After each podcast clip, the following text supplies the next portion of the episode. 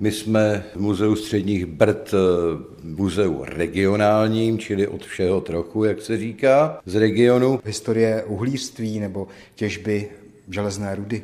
Přesně tak, máme tady bohatou havířskou historii, jak s těžbou železných rud, tak s těžbou černého uhlí, což je méně známé. A konečně sem zabíhá od jihu i výběžek toho slavného polymetalického revíru v Příbrami. Teď jsme společně s Martinem Langem vstoupili do místnosti, kde jsme zase zpátky u té vojenské historie. Jsou tady i nějaké kulomety. My jsme se ocitli v ideálním zpracování rekonstrukce velitelské pracovny posádkové a zároveň tu máme vytvořenou expozici armády za první republiky.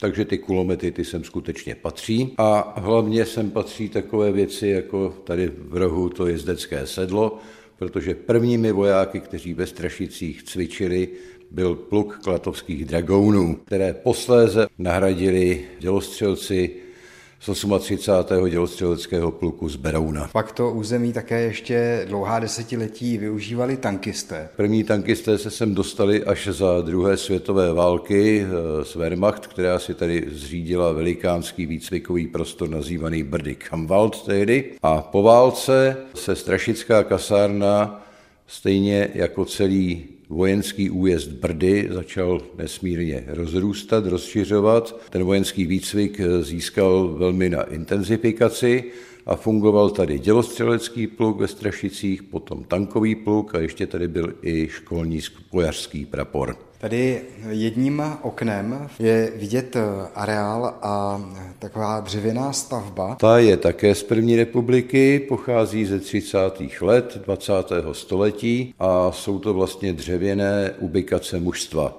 Původně to byly sruby z polokulatin, Potom za války, za Němců to získalo opláštění ze šindele. A vlastně to skutečně sloužilo k ubytování mužstva zatímco druhý objekt, ve kterém my teďka stojíme, je takzvaná důstojnická vila, a tady vlastně bydlel velitel posádky a jeho zástupce. A pokud si uděláme výlet do Brd a nejen třeba na jeden den, tak na rozdíl tady od té důstojnické budovy, kde je dnes muzeum středních Brd, tak v té dřevěné se lze i ubytovat.